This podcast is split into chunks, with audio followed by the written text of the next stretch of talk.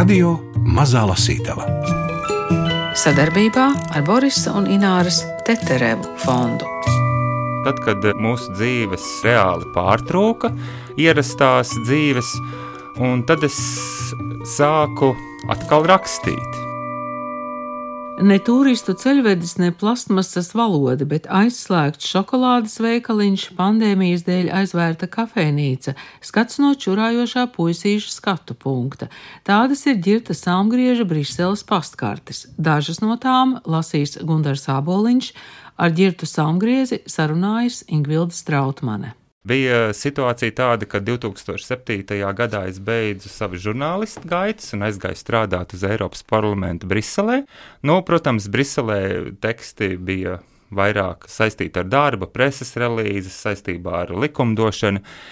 Bet tad es tā izdomāju vienā brīdī, kad kaut kas jāsāk vairāk arī rakstīt. Bet tā situācija bija tāda, ka man draugi uzdāvināja iespēju izgatavot sev tīkams smaržas vienā smaržu laboratorijā Briselē.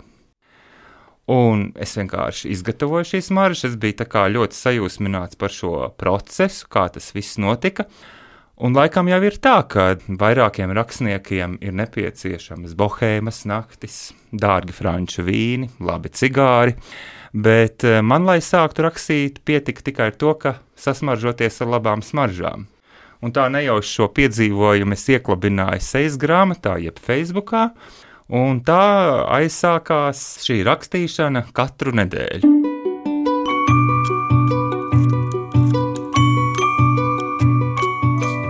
Girts Saungriezis, Briseles pastkartes. Viena pastkartīte te - smaržu visumā. Neilgi pēc kafijas malkošanas vienā no Briseles elegantākajiem rajoniem kur nami vēl vēsta par aizgājušo laiku labklājību un seno naudu, esmu beidzot saticis viņu, izsmalcināto smaržu ķīmijas pavēlnieci Matildi. Tā gribas viņu saukt, mans izdomāts vārds, kas tikai un vienīgi pēc manām vēlmēm izgatavos pārpasaulīgu mirkļu piesātinātu ūdeni. No izvēlētām vielām, kas būs tīkamas maniem ožas sensoriem, Matilde manā skatījumā ir īpaša ar saviem elektriski sprogainajiem, kosmiski rudajiem, biezajiem matiem. Tie kā satelīti laikam ir savienoti ar citām galaktikām un lieliski papildina smalkās smaržu laboratorijas kopējā interjera noskaņu. Tajā nezinātājs var samulst no dažādajiem mazajiem trauciņiem, mēģinēm, pudelītēm, dārgajām un īpaši gatavotajām svecēm. Es savukārt nevaru atrauties no Matildes stāstiem par smaržu sajūtu notvēršanas pasaulēm, un labi vien, ka sejas maska nenosedz viņas šarmanto porcelānisko acu skatienu. Tas viss piešķir īpašu šarmu un atmosfēru, mudinot man izvēlēties komponentus un vielas, ar ko tiks darināts mirkļa uzlējums pēc manis paša veidotā scenārija. Šajā brīdī valda patiesa izvēles brīvība nevis tās ierobežotās iespējas un kārtība, kas visu diriģē aiz laboratorijas sienām, kur teikšana ir Beļģijas valdībai un Nacionālajai drošības padomei. Kad nu vairāki paraugi samaistaroti, man tikai jāizvēlas īstais, bet Matilde iesaka iziet svaigā gaisā un izveidināt galvu. Tad nākšot tas labākais lēmums. Pārliecinoši saku, zinu, ko vēlos. Man galvas veidināšana nebūs nepieciešama. Matilde savukārt smejas, jo retais šajā dzīvē zina un izprot savas izvēles iespējas. Atbildu ir jau labi zināt, bet augstākais režisors jau reizēm izspēlē negaidītus pavērsienus, tāpēc ar pārliecinošu gribēšanu reizēm vien nepietiek. Vakar pusē, kad galva jau atbrīvojusies no dažādo smaržu koncentrātiem, atklāju, ka pēc maniem kritērijiem veidotajā zipsnīgajā mirkļa ūdenī ir kaut kas ļoti piesātināts. Smaržkārtās mīs kaut kas no dārgiem cigāriem, labi grauzdētas kafijas, un fonā tam visam tumšā šokolāde. Sajūtu noturīgs un sprāgājoši dzirkstošs vēstījums. Tas veidots pēc manas ķīmiskās formulas šajā visai trauksmainajā un neziņas pilnajā laikmetā, un esmu bezgala pateicīgs saviem ļoti tuvajiem cilvēkiem, kas man dāvāja šo iespēju atklāt citādi niansētu pasauli orbītā ap mani, smaržu un sajūtu kosmosu.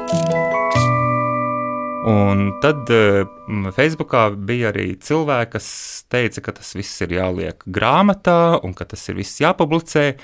Un kā tu zini, Ingūna, Facebook ir šī gadsimta bībele, un tas, ko saka Facebook, tā, tā arī, arī ir jādara. jādara un, ja grāmatā kaut kas uh, nav izdevies, varbūt labi un neliekas, varbūt interesanti, tādu politisku atbildību es noņēmu par to, kas tur ir sadarīts, jo ir atbildīgs Facebook un Facebook lasītāji.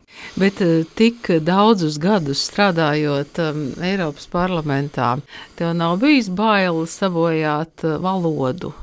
Kā tev tā valoda kļūs līdzīga, kā man kāds vācietis teica, partijas kongresa valodai.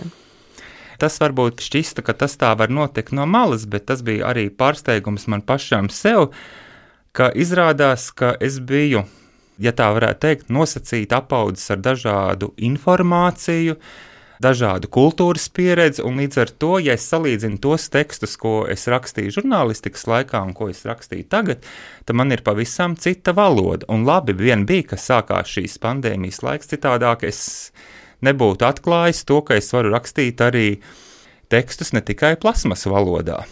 Vai tu vari atgādināt, kāda bija tā tava žurnālista pieredze? Es sāku strādāt 99. Eh, gada vasaras vidū Radio Brīvā Eiropa. Strādāju Rīgas birojā un paralēli mazliet braucu vairākus mēnešus praktizēties arī Prāgā, kur bija Radio Brīvā Eiropa centrs. Pēc tam strādāju Radio SVH žurnā, kā žurnālists, un paralēli, protams, arī rakstīju vairākus arī stāstus. Bet īsnībā ar paskārtēm eh, tas nav nejauši, jo 2005. un 2006. gadā bija viens arī tāds eksperiments, arī nedēļas eksperiments. Katru nedēļu bija neatkarīgā rīta avīzē, bija slēdzas vēstules no Eiropas, un tas arī īstenībā radās nejauši jo es ar savu ļoti labu draugu Žanetu Vegneru vienā vakarā Briselē bijām restorānā, kur piedāvāja dažādas e, ēdienas nesakarīgās kombinācijās. Un tā mums radās ideja par to, ka ir jāpiefiksē dažādas emocijas, ne tikai nu, formāli politiskās lietas. Tas tajā laikā man bija diezgan grūti, jo viena lieta ir nointervēt cilvēku un atšifrēt interviju un uzrakstīt viņa viedokli. Bet cita lieta, ka tev ir jādabū, kā lai saka, no sevis kaut kas ārā un jāuzraksta kaut kas citādāks. Un tad tur bija slēdzas gan par manu lidošanas pieredzi, gan, bet tas bija diezgan grūti tās slēdzas rakstīt, jo tas bija jābūt katru nedēļu. Un, Bet salīdzinot ar to, kā šīs pastkartes sākās atkal pēc kaut kā 14 gadiem, tad bija citādāka pieredze. Jo Nebija vairs žurnālistikas uzstādījumi, nebija vairs nodošanas termiņi, līdz ar to es jutos brīvs savā izpausmēs un savos lidojumos. Un vēl viena lieta, kas man ļoti patīk, ir tas, ka digitālais laiks dod arī savas priekšrocības. Jo iedomājies, Ingūna, kā bija kādreiz rakstniekam rakstīt. Viņš tur rakstīja uz tās lapas, un tad varbūt izmeta plēsa. Plēsa, un, un izdevējs savāca no šmuckastes rakstniecības vērtības, kas tā arī varbūt varēja nekļūt par rakstniecības vērtībām.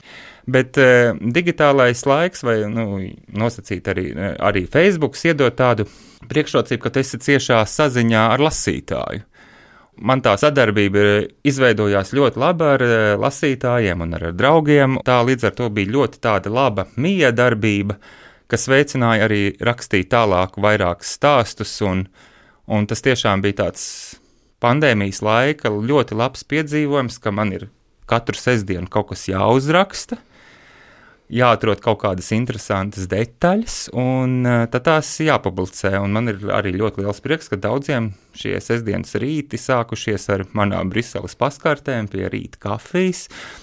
Un tas bija arī tāds arī savā veidā saziņas veids ar sabiedrību, ar cilvēkiem, kad pārējā pasaule bija diezgan norobežota, noslēgta. Brisele bija arī ļoti noslēgta. Brisele pirmajā periodā bija ļoti, ļoti noslēgta. Bija pat tāda sajūta, ka tu aizēji uz vecpilsētas laukumiem, Grand Place, tur dzirdēt, kā kāds alus buļģiņu atver vaļā otrā laukuma galā. Tad tu varēji redzēt, kā par vecpilsētas bruģi, kas parasti nebija novērojams, spraucās ārā zāle, Ar skaņu. Jā, bet pirmais pandēmijas laiks Briselē bija ļoti skaists. Tas bija labākais laiks 200 gadu vēsturē no meteoroloģiskā viedokļa, jo tas bija skaistākais pavasaris. Ar tik ilgu nu, piesātinātām saules dienām, un līdz ar to varēja izbaudīt pilsētu šurpu turpu dažādās pastaigās. Tas bija arī ļoti, ļoti neierasti. Tur reizēm bija, protams, tāda sajūta, ka tu esi viens pats pilsētā, viens pats mājās, ar savu darba monitoru vai datoru, bet tas arī deva kaut kādā veidā tādu romantikas sajūtu, ka vajag kaut ko ļoti labi uzrakstīt. Un, Un šis laiks man iedeva arī tā kā mazliet pārvērtēt, jo parasti nu, pa Briseli ir tādi stereotipi vai štāmpi, ka tā ir ierēdnieciski iestīvināta pilsēta. Un tā jau arī var skatīties uz visām šām lietām un var sūdzēties par to, kas nav labi konkrētajā vietā, jo tā parasti dara ārvalstnieki, kas dzīvo citā valstī. Bet, protams, es to mēģināju no tā visa atbrīvoties, jo tā jau saskatot tikai tās lietas, kas nav īsti labas, var ieslīgt vai ierūkt kunkuļainā rūgušpienā, kašķīgumā, un tā tu nepamani dzīvi, skaisto, kas tev ir apkārt. Girts Salmgriezis Briseles pastkartes izdevusi laika grāmata Edvarda Vārdauņa melnbaltās fotogrāfijas. Grāmata tapusi Briselē un Rīgā, drukāta Jelgavā, atvērta Aucē. Radio Mazā Lasītava. Nu, redziet, es nejauši uzšķīru čurājošo puisīti. Es domāju, ka visi, kas braukuši uz Briseli, ir aizskrējuši pie tā čurājošā puisīša, nofotografējušies. Un, bet tu savukārt esi atradis citu rakursu, ne tikai čurājošam puisītim. Jā, var arī paskatīties, ko čurājošais puisītis redz. Un te pretī čurājošais puisītis redz e, šokolādes veikalu, kas ir nobankrotējis. Čurājošais puisītis redz krodziņu, kas ir aiztaisīts dēļ pandēmijas ierobežojumiem, vai arī aizvēries pavisam ciet. Eh, tā kā var paskatīties uz lietām no dažādiem rakursiem. Skats no strūkliņas. Nepārspējams. Izturējis vairākus gadsimtus. Tuvu un tālu zemju ciemiņu apbrīnots, leģenda. Dažādos laikmatos to redzējuši vairāk pielūdzēju nekā dažu labu skatuves zvaigzni šajā dinamiskajā laikā. Sava skaista garderobe, Runa ir par Briseles galveno apskates objektu čurājošo puisīti. Tā varētu stāstu veidot, aprakstīt, turpināt un iepeldēt klišejas traumēs. Klišejas dažkārt arī nemaz nav garlaicīgas. Tās reizēm ir nepieciešamas kā ikdienas tradicionālās maltītes. Ko nu es vairs jaunu varu pateikt par Briseles vēsturisko objektu? Esmu parasts Briselē dzīvojošs latvietis, reizēm kā savējais, reizēm kā ciemiņš, dažkārt kā Eiropas burbuļa iemītnieks. Tomēr nolemju doties kādā jaukā dienā šo objektu apskatīt un ieraudzīt kaut ko jaunu. Rudens dzeltē, saules stari iezogas pat mazākajās Briseles ielās. Beļģi ir atrāvuši dzīvi pie gardiem alus kausiem. Protams, gaišā un saulainā dienā viss ir labāk redzams, uztverams un atklājams. Manas vizītes mērķis gan nav paskatīties uz slaveno objektu un uztaisīt kārtējo, neatkārtojamo, neaizmirstamo sejas grāmatas foto, bet gan mēģināt palūkoties, kāds tad pilsētas mazais stūrītis ir no čurājošā puisīša skatu punkta. Kāpēc gan ne? Traka ideja! Saprotu, skulptūras panorāma ir limitēta, ierobežota. Skulptūra neatrodas augstākajā kalnā, skulptūra ir ar roku aizsniedzama stop. Briseles stiprulis tiek video novērots. Kas tad atklājas? Pirmkārt, čurājošais puisītis nepārtraukti redz daudzu turistu muguras. Ik minūti, ik sekundi kāds vai mazāka turista grupiņa pieslienas pie nožogojuma. Nofotografējamies savās atmiņu grāmatās ar sirsnīgiem smaidiem, atvērtām sirdīm Priecīgs mirklis, jā, arī es Briselē tur biju. Jā, redzēju mazo varoni. Labi, ka mazuļas trūkliņa ir vienmērīga. Jāteic, tā ir ļoti spēcīga, ik reizi, puisīša jauna tērpa atklāšanas pasākumā. Tāpēc ar pārsteidzošu ūdens salūtu nav jārēķinās ikdienā, bet tikai svētku reizēs. Otkārt, čurājošais puisītis ierauga, ka ir aizvēries kroks manneken piss. Mēģinu ko vairāk saprast, bet redzu caur logu rūtīm aputējušus galdus un bāra leti, nekas neliecina par darba atsākšanu tuvākajās dienās. Treškārt, durvis nav vēris smalkās šokolādes veikals Godīva taču blakus esošā vafeļu tirgotava šajā sarežģītajā laikā ir spējusi noturēties. Šī mazā ainava no strūklakas skatu leņķa ir sava veida Briseles ekonomiskās situācijas šodienas raksturojums. Kāds ir spējis saglabāt biznesa pandēmijas laikā, citam nācies pamest iesākto uzņēmēju darbību. Viens no Briseles uzņēmējiem man uzsver, ka bizness nav atgriezies iepriekšējo laiku dinamikā. Turklāt atbalsts uzņēmējiem valstī bijis atkarīgs no reģiona. Zinām, Beļģija ir politiski un teritoriāli sadrumstalota. Uzņēmējs esot dzirdējis par Latviju, kurā valsts operatīvāk izmetusi glābšanas riņķus ekonomikas nenogrimšanai. Taču Briselē viss atkal iesācies, atsācies, iegājis ierastībā, pat atvērti aizskari Beļģijas nakts dzīvei, disko bumbas griežas ātrāk nekā autosatiksme Briseles ielās. Naktstauriņi aktīvi lido, aizlido un jūtas apžilbināti no deju zāļu gaismām.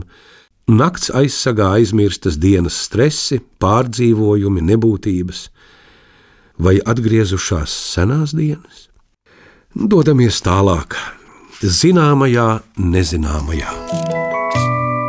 Pie tām um, Briseles leģendām pieder tātad šokolāde, kartupeļi, vafeles, čurājošais puisīts. Un vēl atoms. Jā, un vēl atoms. Jā.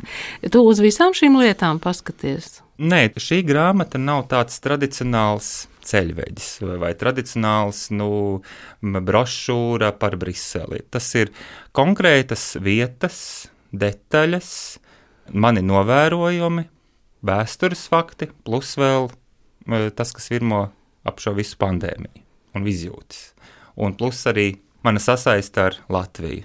Kā es to izjūtu, to, to Briseli. Ja, protams, izdotu tradicionālo brošūru par Briseli, tad man būtu jāliek čurājošais puisītis, nevis, piemēram, papagaili. Kas... Kur tu ņēmi tos papagailus? Tas ir e, beļģu fotomākslinieka darbs, bet e, par papagaļiem jau Briseles kontekstā parasti neaizdomājamies, bet tā ir viena tāda interesanta lieta. Ja paceļ galvu augšpusē, kas notiek Briseles parkos, tad Briseles parkos ir aptuveni, pēc preses ziņām, aptuveni 10 000 papagaļi. Un tie nejauši nonāca, tāpēc ka viens darbinieks no zooloģiskā dārza viņus izlaida savulaik ārā, dažus papagaļus, un tā viņi savairojušies, jo viņš gribēja, lai pilsēta būtu krāsaināka.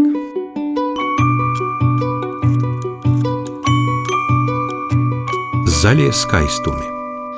To ir vairāk nekā jaunās trimdas dievkociņu mūsu tautiešu Briselē. Tie skaita ziņā ir līdzvērtīgi Eiropas Savienības ierēģņu pulkam. Tie dzīvo līdzās dzeņiem, baložiem un citiem putniem. Tos var pamanīt visos gada laikos. Tikai vajag galvu pacelt augšup un lūkoties, kas skaistajos Briseles parkos notiek koku galotnēs. Tie ir zaļie papagaili Urbānā leģenda vēsta, ka viss ar šiem lidojošiem krāšņumiem esot sācies pavisam nevainīgi. Kāds vietējā Briseles putnu dārza īpašnieks 1974. gadā brīvībā izlaidis 50 papagaļus, vēlējies pilsētu veidot krāsaināku ar spilgtajiem lidoņiem. Tagad tas viss ir izgājis ārpus kontroles, ārpus ornitologu saprašanas zonas. Papagaiļu ir vairāk nekā desmit tūkstoši. Putnu ekspertu viedokļi Beļģijas preses lejās dalās par to, ko īsti darīt ar šiem krāsainiem skaistumiem kokos.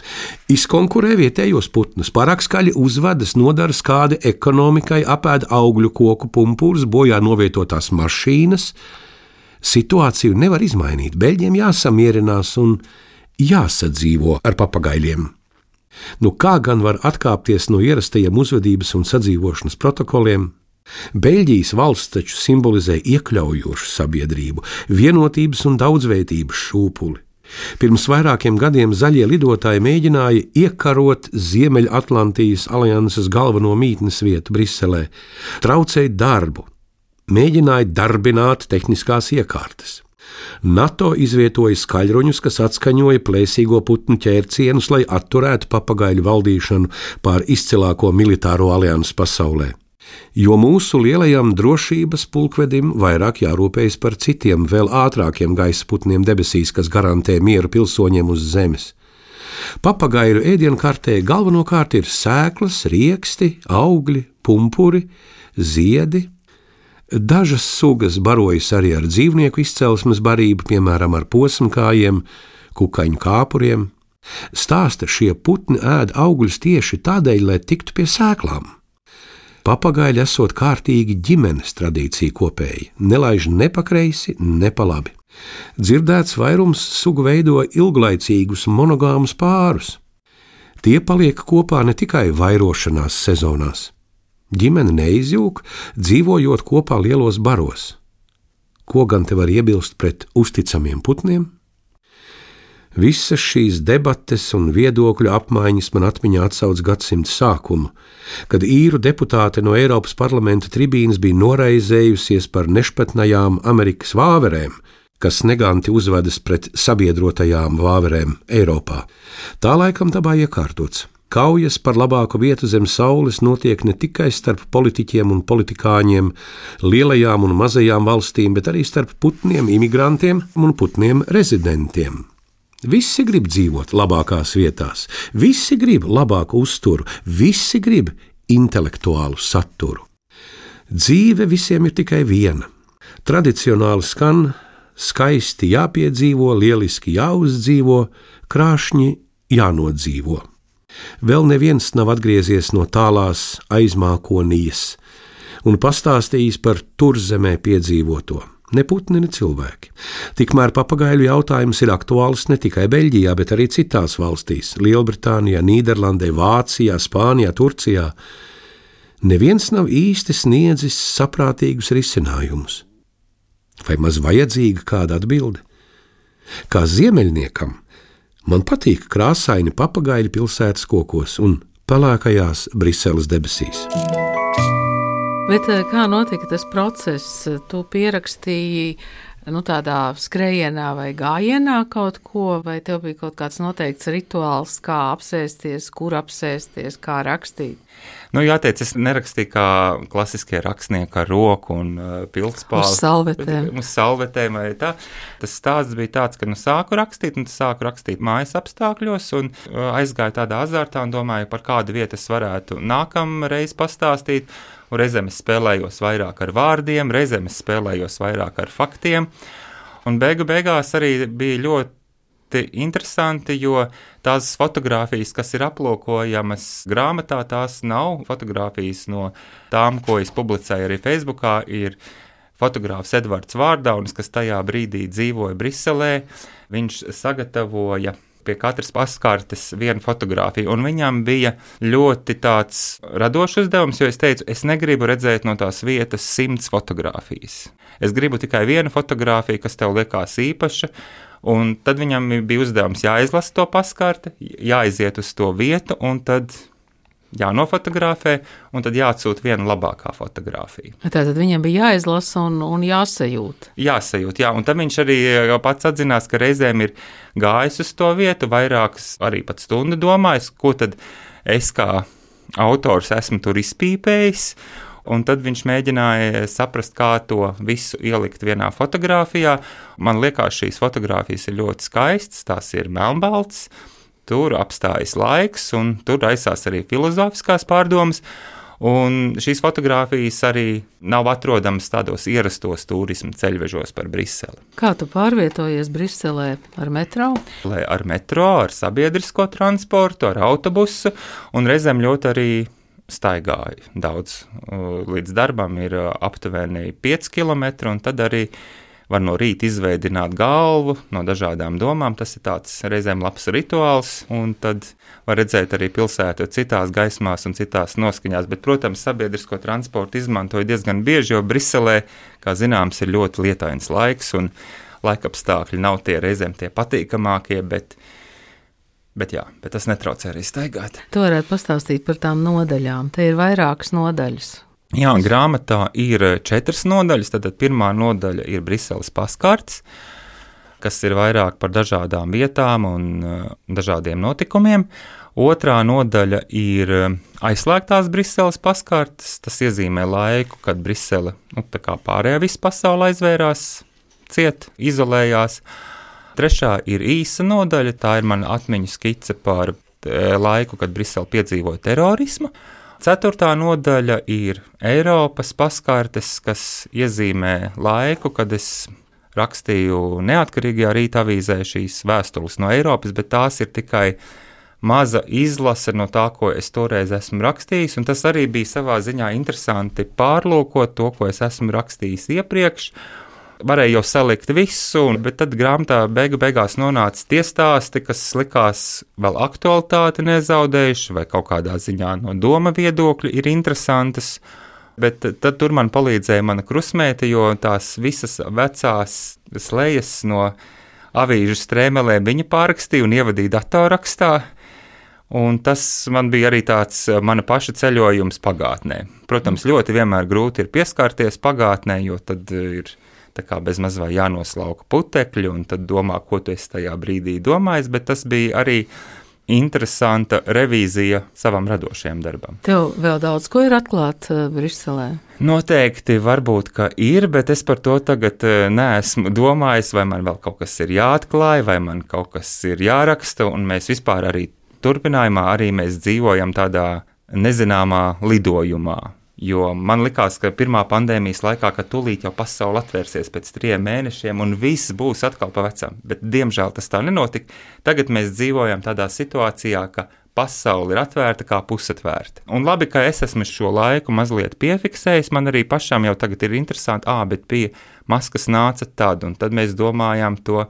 Tas ir ļoti arī nu, svarīgi, ka šīs lietas vismaz man pašam ir piefiksētas, jo tās jau ir reizēm aizmirstās, un reizēm jaunais liekas jau kā normālais, un mēs jau dzīvojam tālāk. Pandēmijas laiks nenostādīja visu mūsu uz vienas starta līnijas, tāpat kā mēs šajā pasaulē esam sākuši savu dzīvi dažādās starta līnijās.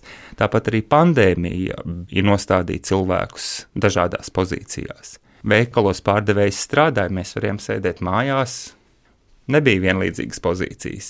Labi, bet nevar teikt, ka pandēmija tev ir bijis ļoti slikts laiks. Tev individuāli, tev kā radošai personai, varbūt bez pandēmijas.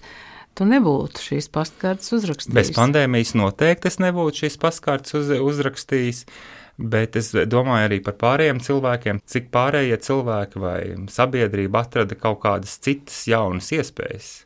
Tā jau var vienkārši filozofēt. Mēs rādījām, ka jā, jādzīvo tā un jādomā tā, bet eh, tas, es domāju, daudziem tas ir ļoti nu, sarežģīts laiks, kad tev zūd biznesi, ka tev vairs nav iespējas eh, satikties ar citiem cilvēkiem. Tas nav nemūt vienkārši. Paldies Dievam, ka man bija šī atnāca šī iespēja rakstīt, jo tā bija mana meditācija. Tā es pārvarēju vairākus nu, kaut kādus, nu, kādus skumjos brīžus vai neērtās situācijas. Tas deva nu, tādu, tādu iespēju izpausties un atjaunoties. Girta Salmgrieža Briseles pastkartes kopā ar autoru lasīja Agita Bērziņa un Ingvilda Strautmane, neklātienē noramīts papangundars āboliņš. Pasaule bija atvērta, aizvērta, tagad pusatvērta, kas tālāk. Arī par to mēs varam rakstīt pastkartes.